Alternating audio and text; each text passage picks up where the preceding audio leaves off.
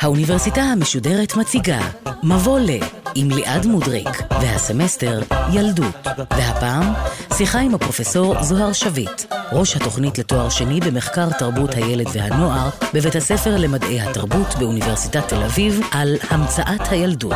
עורכת ראשית מאיה גאייר שלום לכם, חזרנו עם האוניברסיטה המשודרת בסמסטר חדש וקצת שינויים מבניים, אז מהפעם אני איתכם בימי שלישי, ובסמסטר הנוכחי אנחנו יוצאים למסע משותף להבנת תופעה שכולנו חווינו ועדיין חווים בצורה כזו או אחרת, הילדות.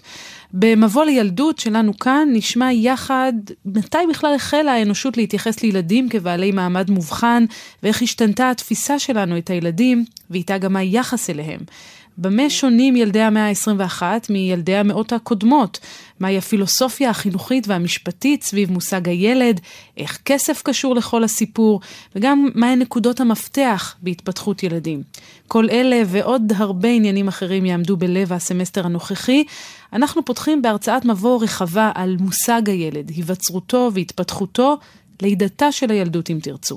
איתנו פרופסור זוהר שביט, ראש התוכנית לתואר שני במחקר תרבות הילד והנוער באוניברסיטת תל אביב, שלום לך. שלום, שלום. אז יש באמת רגע שבו נולדה הילדות בהיסטוריה? אה, לא, תמיד אומרים לכל יש רגע של הולדת, לילדות אין הולדת, זה תהליך מאוד ממושך. אבל כן אפשר לומר שאם אנחנו מסתכלים על הילדות היום, במאה ה-21, ועל ילדות במאה ה-16, מדובר בתופעות שונות בתכלית, שכמעט אין בהן דמיון, להוציא את העובדה שנולד תינוק. זאת אומרת, תינוק שנולד הוא עדיין תינוק, אבל מאותו רגע השאלה איך נתייחס אליו, איך נבין את הצרכים שלו, איך נטפל בו, איך נגדל אותו, מה יהיה מסלול החיים שלו, ואיזה סוג של עתיד מצפה לו, הן שאלות שונות לחלוטין. שאי אפשר בכלל להצביע על קווי דמיון בין המאה ה-16 לבין המאה ה-21.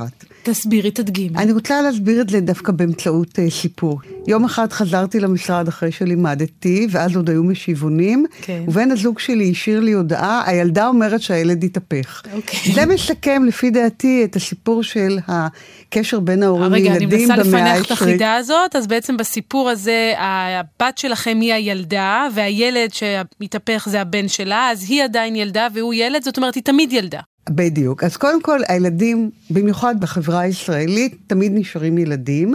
והעניין של הקשר עמוק בין ההורים לילדים, זאת אומרת, אנחנו מאוד מאוד קשורים לילדים שלנו, אנחנו עוקבים אחרי מה שקורה איתם, אנחנו בדרך כלל מתראים איתם. לעיתים קרובות, אנחנו משוחחים איתם בדחיפות רבה, וכך גם לגבי הדור הבא, שאנחנו, כפי שאנחנו נראה אולי בשלב מאוחר יותר, גם רואים את עצמנו אחראים לו. ובמאה ה-16 זה לא היה כך? במאה ה-16, ברגע שילד נולד, הוא בדרך כלל הורחק מהבית. אלא הוא שייך לבני המעמדות הגבוהים ביותר, ואז הביאו לו מנקת הביתה, או שאימא שלו הייתה כל כך ענייה, שהיא לא הצליחה לקחת מנקת. בשני הקצוות של המבנה החברתי, הילדים לא גודלו בבתים, תראי, אפשר להבין את זה, ילדים, תינוקות הם מטרד לא קטן, כל אחת מאיתנו יודעת. אלא נשלחו למנקות מחוץ לבית. וגם חמודים מדי פעם. הם חמודים כן. מאוד. אם לא היו כל כך חמודים, אני לא חושבת שהיינו עושים את המאמץ הזה. לא כן. צריך לדאוג להם היום. לא, אבל את אומרת, אז מה, הם היו יוצאים מהבתים? הם היו מוצאים מהבתים. אה, הולכים למנקת, יש תיאורים שבינינו הם ממש מזעזעים, איך היו שמים אותם על העגלה, וה... בעל עגלה היה מוריד אותם בכל מיני מקומות, חלק היו נופלים בדרך, חלק לא היו מגיעים בכלל למנקת. אבל מה עם כל הסיפורים? רובם הגדול לא שרדו את, את ילדותם, כן, כן. ובגיל חמש או שש הם היו חוזרים הביתה, 아. אה. כדי להתחיל כבר סוג של חיים מבוגרים. או להיכנס למעגל העבודה, או להיכנס למעגל של המעמד שלהם, בדרך כלל במעמד של שוליות. עכשיו, גם כאן הם בדרך כלל לא גדלו בבית. נניח הבן האצולה גדל בבית של בן אצולה אחר, החייט שלח את הבן שלו ללמוד חייטות, וכולי וכולי וכולי. כלומר, הם מגיל צעיר מאוד לא גדלו בבית, כמובן שלא יכול היה להיות קשר עם ההורים. אם היה קשר עם מבוגר, זה היה בדרך כלל עם ה... מנקת תחילה ואחר כך עם האומנת, ואנחנו מוצאים לכך הרבה מאוד עדויות שאנשים בזיכרונות שלהם מדברים על קשר מאוד מיוחד עם האומנת. את הילדים ההורים לפעמים ראו, ובדרך כלל אפילו אה, לא ראו אותם, ובוודאי שלא הייתה הבנה של מחויבות הורית כלפי הילדים כפי שקיימת היום, גם מבחינה רגשית, המשטור של הרגשות שלנו, וגם מבחינת החוק.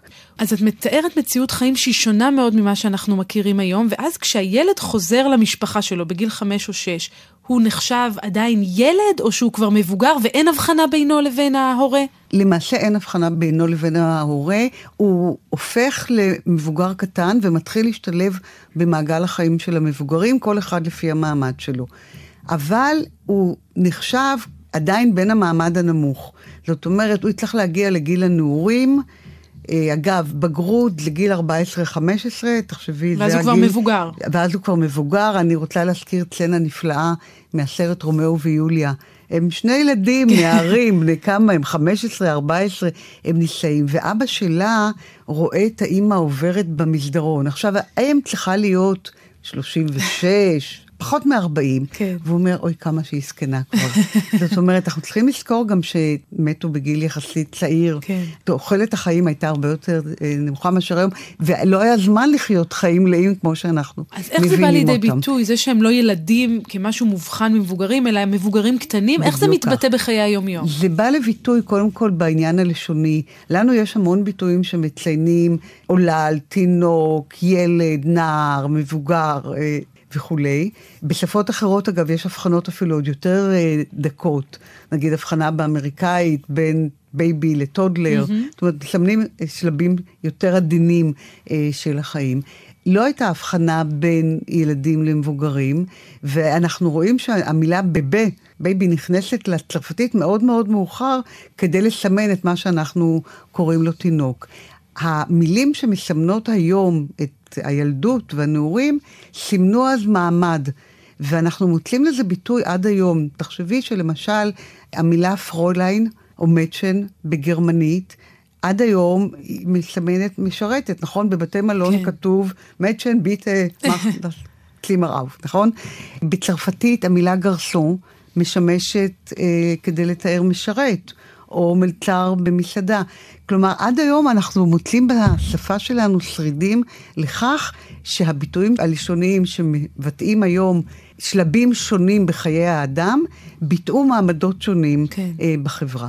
אותו דבר אנחנו יכולים להגיד לגבי לבוש הילדים. לא הבחינו אז בלבוש בין אה, מבוגרים לילדים. ילדים, בני המעמדות הגבוהים כמובן, לבשו בגדים מאוד דומים לבגדים של המבוגרים, רק קטנים יותר. וה... ציורים של הילדים, אנחנו רואים שהאימא והבת לבושות אותו דבר, זה מאוד מעניין, מוקטן. כי האופנה אימא-בת חזרה לא, לא מכבר כן. גם לחיים שלנו. אז לאט, אין, אין לאט, בגדים מיוחדים לילדים, אין בגדים מיוחדים לילדים. אין צעצועים מיוחדים לילדים, אין ספרים מיוחדים לילדים. ספרים בכלל עוד אין, בכלל. אה.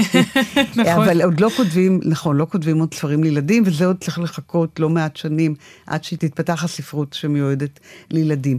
אבל אם אנחנו מסתכלים איך מתחיל להתפתח הלבוש של הילדים, מה עולה לך בראש? כשאת חושבת על לבוש של ילדים, איזה דימויים, נכון, המלאך, כן. תלבושת המלאך, כן. רואים אותה בכל התמונות של נכון.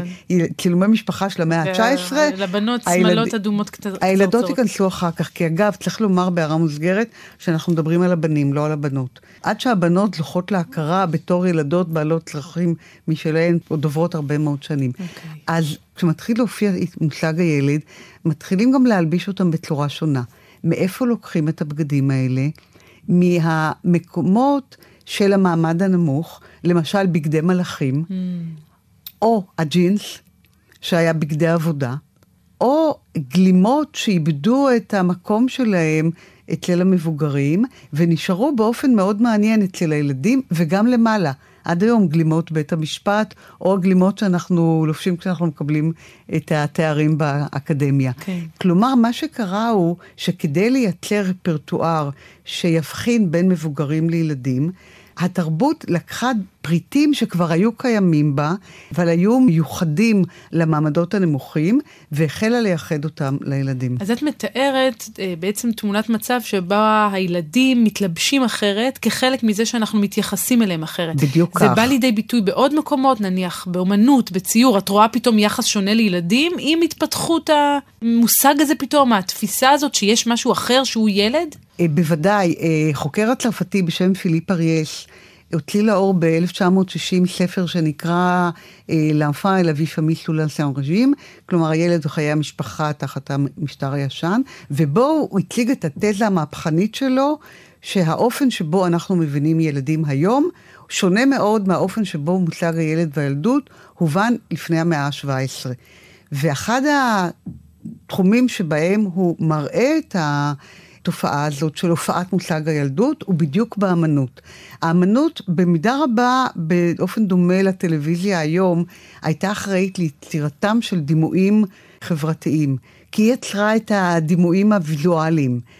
ואנשים ביקרו בכנסייה, ובכנסייה הם נחשפו לשני מקורות של ציורי ילדים. כן. מצד אחד, הציורים של הילד ישו, או התינוק ישו, ישו ומריה, שכל מי שביקר במוזיאונים באירופה יודע ש-50% לפחות מהציור הוקדש לתמה הזאת, ואנחנו כאן רואים שינוי מייצוג של ישו התינוק כמבוגר קטן, זאת אומרת, הוא...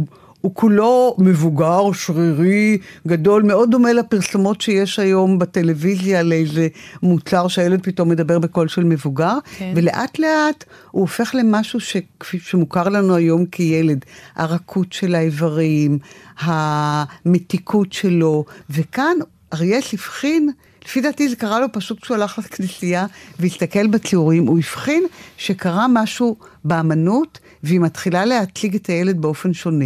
לא עוד מבוגר קטן, מוקטן, ששריריו עבים, ראשו גדול, שעיר מאוד, וכל ההבדל בינו לבין המבוגר הוא בגודל, אלא ילד עם תכונות שאנחנו היום מאוד מתענגים עליהם. זה המלאכים גם, המלאכים, זה לא רק ישו. בדיוק.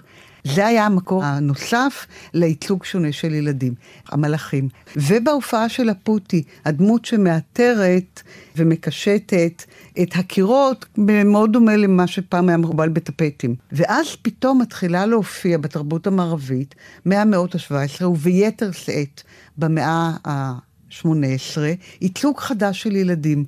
שמציין ומבחין תכונות שאנחנו מאוד מזהים אותן היום עם הילדות. למעשה, בייצוגים האמנותיים, אנחנו רואים את הביטוי הראשון להופעתו של המושג המודרני של הילדות. אני רוצה לפתוח סוגריים ולומר שאנחנו מדברים רק על החברה הגבוהה ורק על אירופה המערבית. כן. וברוב רובו של העולם, התופעה הזאת לוקח לה הרבה זמן עד שהיא מתפתחת, ולמעשה חלק גדול מן העולם היום עדיין לא הכיר במושג המודרני של הילד. עדיין מקובלת מאוד עבודת ילדים בחלקים גדולים מן העולם, ועדיין ילדים באים לעולם כדי לעזור בפרנסת המשפחה. עכשיו, כדאי אולי שנגיד למה אנחנו מתכוונים כשאנחנו מדברים על המושג המודרני של הילד. כן. כי ילדים הלוא תמיד היו כי הם נולדו. כן. במושג המודרני של הילד, הכוונה לכך שהישות הזאת נתפסת כישות שונה מן המבוגר, שיש לה צרכים משלה שייחודיים לה, ושהצרכים האלה הם באחריות המבוגר. זאת התפיסה המודרנית של הילדות. עכשיו, מה הם הקשרים הרצויים בין מבוגרים לילדים? איזה סוג של ביוגרפיה אנחנו מכינים לילדים? הדברים האלה מאוד משתנים. מהמאה ה-18 ועד המאה ה-21. אנחנו תכף ננסה להבין מה המהות של המושג הזה, אם אפשר בכלל לדבר במונחים של מהות, כי תיארת לנו איך זה משתנה עם ההיסטוריה ועם התרבות, אבל אני עוד רוצה לחזור אחורה ולהבין איך זה נראה בלי המושג הזה. זה אומר מה, איך ילדים לומדים? הם לא מחולקים לקבוצות גיל בבית אה, הספר, אין בית ספר. בדיוק כך, אין. אומרת, את מכניסה עכשיו, זה, זה סוג של אנחנו רוצים, את מושגה מושגים שלנו, שאנחנו יודעים את שנת הלידה, ויודעים שילד הולך לגן ואחר כך לבית ספר לפי החוק. כן. לפני המאה ה-17, מסגרות חינוכיות, כפי שאנחנו מכירים אותן היום, היו מאוד שונות אז. ילדים למדו בדרך של שוליות. כלומר, ילד למד אצל האומן את המקצוע שלו. כן. בין האצילים למד איך להיות אציל. קרבות, נימוסים, ריקודים, מוזיקה. שפות עתיקות. שפות עתיקות עוד אה, חכו. אה, אוקיי. את מדברת אז זה עכשיו הדימוי על, שלי אה, שבין האצילים שלומד לטינית וזה... זה יתחיל במאה ה-18, במאה ה-19, עם ההתפתחות של בית הספר. אוקיי. אבל קודם לכן, המיומנויות שהוא רכש לא כללו קרוא וכתוב. יש לנו הרבה מלכים שלא יודעים לחתום את שמם. אבל לרקוד הם ידעו טוב. לרקוד הם ידעו, לשיר הם ידעו, לנגד הם ידעו. בכלל, לפי דעתי, החיים שלהם היו הרבה יותר שמחים ועליזים. אריה שומר באיזשהו מקום, שאחד הדברים שנגזל מהאנושות בגלל המצאת הילדות, זה שמחה משותפת שהייתה לכולם. אם כי גם פה צריך להסתייג ולא להיות נוסטלגי מדי, כי צריך לזכור שאנשים רוב הזמן היו רעבים, רוב בני אדם. הסיכוי שלהם לחלות היה מאוד גבוה, והסיכוי למות ממחלה היה עוד יותר גבוה. זהו, צריך לומר, גם ילדים לא שרדו. בדיוק כך. עכשיו, יש ויכוח בין החוקרים, אם 50% מהילדים שרדו, קצת יותר, אבל אין ויכוח על זה שילדים לא שרדו. באיזה גיל הם מתו? הם- התמותה הייתה בעיקר בגיל הינקות, נכון? הינקות, אבל גם אחר כך, אם את מסתכלת על זיכרונות אה, של אנשים, את יכולה לראות שבעצם עד המצאת החיסונים ועד המצאת האנטיביוטיקה, ילדים מתו אה, כל הזמן ממחלות, גם בגילאים יותר מבוגרים. תחשבי על אליעזר בן יהודה שמאבד ככה כן. ביום אחד את חלק גדול מהילדים שלו. משפחות מאוד גדולות, כן. שהולידו הרבה ילדים, בדרך כלל שרדו מהם רק כמה. את מתארת פה באמת מציאות כל כך שונה מאיך שאנחנו מגדלים את ילדינו היום, והעובדה שיש מוות בכל מקום, והעובדה שילד יוצא מהבית, מה זה עושה למערכת היחסים ההורית-ילדית? זאת אומרת, אימהות ואבות הם התייחסו לילדים שלהם ממש אחרת, וזה משהו שאת יודעת, בדרך כלל נתפס בעינינו כאיזה דחף ביולוגי מוטבע, ארוך שנים, אבל את אומרת, ממש לא. ממש לא. אליזבת בדנטר בספר אה, אהבת אם, למור אמפליס, בדיוק מתארת את התהליך הזה. והיא מתארת איך גם אהבת אם הוא מושג מובנה שהחברה מבנה אצל האימהות. הוא לא היה קיים בעבר, כי פשוט לא נוצרו הנסיבות של לקשר בין האם לילדיה. זה כאילו נראה לי ממש זה... כי זה בנו... קשה לקבל, לא, באמת. קשה, בהחלט קשה לקבל, אבל אני רוצה לומר שאנשים גדלו אז מאוד יפה, כן. ויכלו למצוא את עצמם מאוד מאושרים, גם בלי לגדול אצל אימא. קודם כל צריך לומר... לא, אני, אני שלב- רגע, אני שנייה אחדד את הקושי שלי, כי הרבה יותר קל לי לקבל, ואולי זה עניין באמת שההבניה היא לא עד כדי כך חזקה, שהתפיסות שלנו לגבי הבדלים בין גברים לנשים הן מובנות חברתית, זה קל לי, אולי גם כי אני אישה. כי אנחנו נמצאים עכשיו בתוך התהליך הזה. כן. לפני 50 שנה לא הייתה לך עם זה בכלל בעיה. אבל אהבה של הורים לילדיהם, זה משהו... כן, אבל אהבה צריכה שייווצר אפשרות לקשר. עכשיו, כן. צריך להבין למה אנשים הביאו ילדים לעולם. הם הביאו אותם מסיבות של שמירה על השושלת, והביאו אותם מסיבות כלכליות. הילד היה הבטחת הפנסיה של ההורים. לא הייתה אז פנסיה. כן. מה שהבטיח את העתיד של ההורים בגיל מבוגר, היו הילדים שידאגו לפרנסת ההורים. ולכן התפיסה שלנו, שאנחנו נולדים עם אהבת האם, היא תפיסה לא נכונה. אנחנו ממושטרים לתוכה, אנחנו מחוברתים לתוכה. אין ספק שאנחנו מאוד אוהבים את הילדים מרגישים שלנו. אותה, זה בטוח. אבל כן. כן. היא לא הייתה קיימת. אימהות לא הנביטו קשר עם הילדים, כי הם פשוט לא גידלו אותם. ואת אומרת, השינוי הזה בתמותת התינוקות אה, משנה גם את הדרך שבה ילד נתפס? אז תראי, על זה יש ויכוח בין החוקרים. פיליפ אריאל שהזכרנו קודם, טוען שאנשים לא הרשו לעצמם להיקשר לילדים שלהם, כי הסבירות שהם ימותו הייתה כל כך גבוהה, ורק כשתמותת התינוקות פחתה, התחילו להיות מודעים ולשים לב לילד כאישות מובחנת, שראויה לתשומת הלב של המבוגר. אליזבת בדנטר אומרת, לא, זה בדיוק להפך. רק כאשר התחילו לשים לב לילד ולצרכים המיוחדים שלו, וטיפנו בו באופן שונה, והבינו שאי אפשר להתייחס אליו כאל מבוגר גם בטיפול היומיומי, גם בהאכלה שלו, גם בהחתלה שלו, רק אז פחתה תמותת התינוקות. רק כדי לסבר את האוזן, כן. כשהתחילו לשים לב כבר לעניין של ילדים והתחילו לערוך ביקורת אצל המניקות, יש תיאורים שאותנו מזעזעים של תינוקות שנשארים בחיתוליהם ימים על ימים, וכמובן מפתחים פצעים. אה, נוראיים וחולים, למעשה רק החזקים שרדו, זה היה חוק השורד. ולכן גם החברה יכלה כך להמשיך להתפתח, כי הבריאים ביותר אה, שרדו, אלא כמובן אם הם היו בני מלכים והיה אינטרס מיוחד לממלכה לנסות לשמר אותם, שלא תמיד הצליח. ולאט לאט מתחילה להתפתח התפיסה שהתינוק הוא גם יצור אנושי, הוא בן אנוש, הוא בן האלוהים. עכשיו, להצביע על גורם אחד, או אפילו על מכלול של סיבות שגורמות, מביאים לתהליך הזה מאוד קשה. בכל מקרה, יש מכלול גדול של סיבות, סיבות פילוסופיות, סיבות אידיאולוגיות, סיבות דתיות, שגורמות לשינוי אה, במושג הילדות, ואלה חוברות לשינוי בייצוגים של הילד ולשינויים שחלו בתנאים הדמוגרפיים. אז ראינו כאן כל מיני תהליכים שבהדרגה יובילו לשינוי התפיסה לגבי ילדים. נדמה לי שאחד התהליכים, או האירועים ההיסטוריים שבכל פעם שדנים על היווצרות מושג הילד, תמיד זורקים אותו לשולחן, זה המהפכה התעשייתית. אני חושבת שהמהפכה התעשייתית פיתחה מאוד את עבודת הילדים, לא את ההתייחסות אל ילדים. אבל מה שקרה הוא שכאשר אנשי המוסר התבוננו בעבודת הילדים, הם אמרו, רגע, רגע, אוקיי, חייבים להשתמש בילדים ככוח עבודה, אבל גם צריך לדאוג לנשמה שלהם. ואז התחילה להתפתח מאוחר מאוד, במאה ה-19, המסורת של בתי הספר של יום ראשון. ואנחנו עוד נדבר על בתי הספר גם בתוכנית הבאה, אבל קודם אולי ננסה לזקק מהי הגדרת הילד ברגע שהיא מתהווה. מה זה אומר להיות ילד? בדיוק. אריאס אומר דבר מאוד פשוט. הוא אומר, החל מן המאה ה-18, ההבנה של הילד כישות נפרדת, בעלת צרכים משלה, שנמצא באחריות המבוגרים, והמבוגרים אחראים לספק את צרכיו, היא התופעה החדשה שמתפתחת מהמאה ה-18. לפני כן, הילד לא נתפס כישות שונה, והמבוגרים לא ראו את עצמם כאחראים לצרכיו. אז, להפך... אז בעצם זה שני רכיבים. רכיב אחד זה לומר, הילד הוא לא פשוט מבוגר קטן, זה לא תעתיק. ואמרת, זה בא לידי ביטוי, ראינו את זה גם בבגדים, גם בציורים. בציורים, גם בלשון. גם בשפה, בדיוק. אבל החלק השני הוא להגיד, לא רק שהוא לא מבוגר קטן, הוא גם חסר ישע, הוא, הוא חסר, זקוק הוא להגנה. הוא זקוק להגנה. ואז בהבנה הראשונה של ההגנה אה, מתפתחת התפיסה המחנכת, אולי נגיד כמה מילים על התפיסה המתענגת.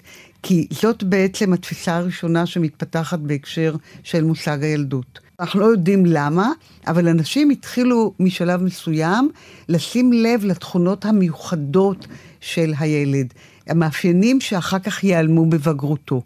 וזה בעיקר המתיקות שלו, והוורדרדות שלו, והגלגלות שלו, והתחילו להתענג על ילדים, ופתאום מופיעות עוד ועוד עדויות על התענגות מהילדים, עד כדי כך שאחד מאנשי המוסר אומר, מתייחסים אליהם כמו לחיות מחמד. מה, אבל מה זה אומר בפועל? הרי כולנו מתענגים על הילדים שלנו. כן, אבל ההתענגות שלנו היום תמיד קשורה במחויבות שלנו כלפיהם. ההתענגות אז הייתה התענגות נטו. כלומר, יש לנו למשל עדויות שהאימהות מתחילות אה, לכתוב יומנים על הילדים, ומי שמגדל את הילדים כותב יומנים עליהם. למשל, אירואר, הרופא של לואי ה-13, מתעד ממש את השלבים בחייו, וזה מקור מאוד חשוב להבין איך ילדים גדלו. רגע, אבל אני רוצה שנייה להבין. זאת אומרת, אם אני עכשיו מתעדת כל דבר שקורה לילד שלי, זה אומר שאני לא רק מחכה, זו איזו תקופת מעבר עד שהוא יהיה מבוגר או גבוה יותר, זו תקופה חשובה שאני חייבת לתעד כל דבר שקורה במהלכה. בדיוק. מתחילה להופיע הבנה שזו תקופת חיים נפרדת, ושיש לה צרכים אחרים מאשר תקופות החיים האחרות. אבל אנחנו רואים גם בסיפורי ההתענגות האלה, באמת סיפורים שנורא מזכירים את האופן שאנחנו היום מתפעלים מהילדים. נכון, יש כלל בחברה היום, שאנחנו אומרים, לא לדבר על החוכמות של הילדים, ואנחנו אף פעם לא עומדים בו. כן. אני בכיתה שלי תמיד אומרת, היחידה שיש לה זכות לספר על החוכמות של הילדים או הנכדים זה אני. אתם אפילו לא תתחילו עם זה כי אין לזה סוף. אז קורה משהו במאה ה-17 שמאוד מזכיר לנו את ההתפעמות שלנו מהחוכמות של הילדים. איך הוא ביטא מילה, ואיך הוא, יש לו פה הברקה, ואיך הוא כאן אה, עשה מעשה יוצא מן הכלל, וכאן הוא רקד נורא יפה, וכאן הוא שר נורא יפה, בהבדל גדול אחד. במאה ה-17, כשהאימא קוראת לראות את הילדה והיא רוצה להתפעל ממנה, אחרי עשר דקות בערך נמאס לה והיא שולחת אותה אל האומנת, והיא לא תראה אותה עד היום הבא, אולי עד שבוע הבא. Okay. כן. אצלנו היום ההתפעלות הבלתי נפסקת מהילדים, היא סוג הפיצוי על העבודה העצומה שאנחנו משקיעים בגידול שלהם. כי אנחנו האומנת היום. אנחנו האומנת, אנחנו ההורים, אנחנו המורה, אנחנו ממלאים הרבה מאוד תפקידים שמולאו בעבר על ידי פונקציות שונות. וזו התפיסה המשועשעת בעצם מהילדים, אבל היא משתנה. והיא משתנה כי אנשי הכנסייה מתחילים לראות שהתפיסה הזאת משחיתה את הילדים. במובן זה גם שאין הבחנה בין ילדים למבוגרים, למשל אירוער מתאר ביומן שלו איך אה, לואי ה-13 גדל עם המשרתים, אפרופו ההרחקה של הילדים מההורים. והוא צופה בכל, הכל חשוף בפניו, הם מקיימים לידו יחסי מין, אה. הם מחזרים, כן, אין, אה, אין שום מגבלה על מה שהילדים אה, רואים וחווים. ואז מתחילה להתפתח התפיסה שצריך לחנך את הילדים. וכך נולדה התפיסה המחנכת של הילדים. והתפיסה הזאת סברה שיש להוציא את הילד מהבית לשם חינוכו, ואז התפתח המושג של בית הספר, שאני חושבת שאין לנו זמן להיכנס לאופן המסובך שהתפתחה תפיסה של בית הספר, אבל הוא התפתח תחילה בתוך הכנסייה, ומעט מאוד ילדים זכו לחינוך. כן. רוב הילדים למדו כשוליות, ולאט לאט זה נכנס לחברה המערבית, שצריך להוציא אותם מחברת המבוגרים ולהפקיד אותם בידי מבוגרים אחראים שידאגו לחינוך שלהם. ואז מתחילה לדעתי התקופה הכי אומללה בתולדות האנושות של הילדות, מפני שכל המאמצים מושקעים במשטור של הילד, בחינוך שלו. ספרי ה... א' ב', באות A, מתחילים במשפט In Adam's fall we sinned all. כלומר, החטא הקדמון. האדם נולד בחטא, והתפקיד שלנו כמחנכים הוא לעקור ממנו את החטא. ואז מתחילה כל התפיסה שצריך לחנך את הילד למשמעת, התפיסה של חינוך ילדים ביד קשה. כן, המורה עם הסרגל. המורה עם הסרגל, ההלקאות הנוראות, ממש עינויים שהילדים עוברים, ותשימי לב שכל ספרי הילדים הבריטיים חוזרים לצן את ההלקאות האלה שוב ושוב. כן. אז לרועל דל יש ספר בשם בוי, שמתאר את הילדות הנוראה שהוא חווה, ואנשים לא מתגעגעים לילדות שלהם. הילדות היא לא תקופה להתגעגע אליה, אלא תקופה לעבור אותה, כדי להגיע לנעורים ולבגרות. זה מעניין, כי בעצם יש פה כמו מעין תנועת מטוטלת. אם בהתחלה הילדים היו לא נחשבים, העיפו אותם מהבית, או התייחסו אליהם כאל כוח עבודה, רק חיכו שהם יגדלו, אחר כך עוברים לצד השני, והם הופכים להיות לאיזה אה, חיית מחמד שצריך להשתעשע איתה, ועכשיו אנחנו חוזרים בחזרה, הם עדיין חשובים, הם עדיין משמעותיים, אבל מתייחסים אליהם שוב בצורה שהיא מאוד נוקשה, כדי לחנך אותם, שמבחינת הילדים זה סבל. לפי ההבנה שלנו היום, מדובר בסבל גדול. לא בטוח שהם ראו את זה כך. למרות שבזיכרונות שלהם, הרבה פעמים אה, כן. חלק מהילדות והענישה החוזרת ונשנית כן מתוארות כסבל מאוד גדול. אז אנחנו נסיים בנקודה הזו, נשאל בשבוע הבא איך יוצאים מתוך הסבל הזה לתפיסת הילדות שיש לנו היום, אבל תיארנו כאן את המהלך הזה שמתחיל בחוסר הבחנה כמעט מוחלט בין ילדים לבין מבוגרים, למצב שבו הם מועלים על נס עד כדי כך שצריך להכאיב להם, למשטר אותם כדי ליצור מהם את האנשים האידיאליים. אני רוצה מאוד להודות לך, פרופסור זוהר שביט, על השיחה הזו, ואנחנו ניפגש כאן בשבוע הבא. תודה רבה.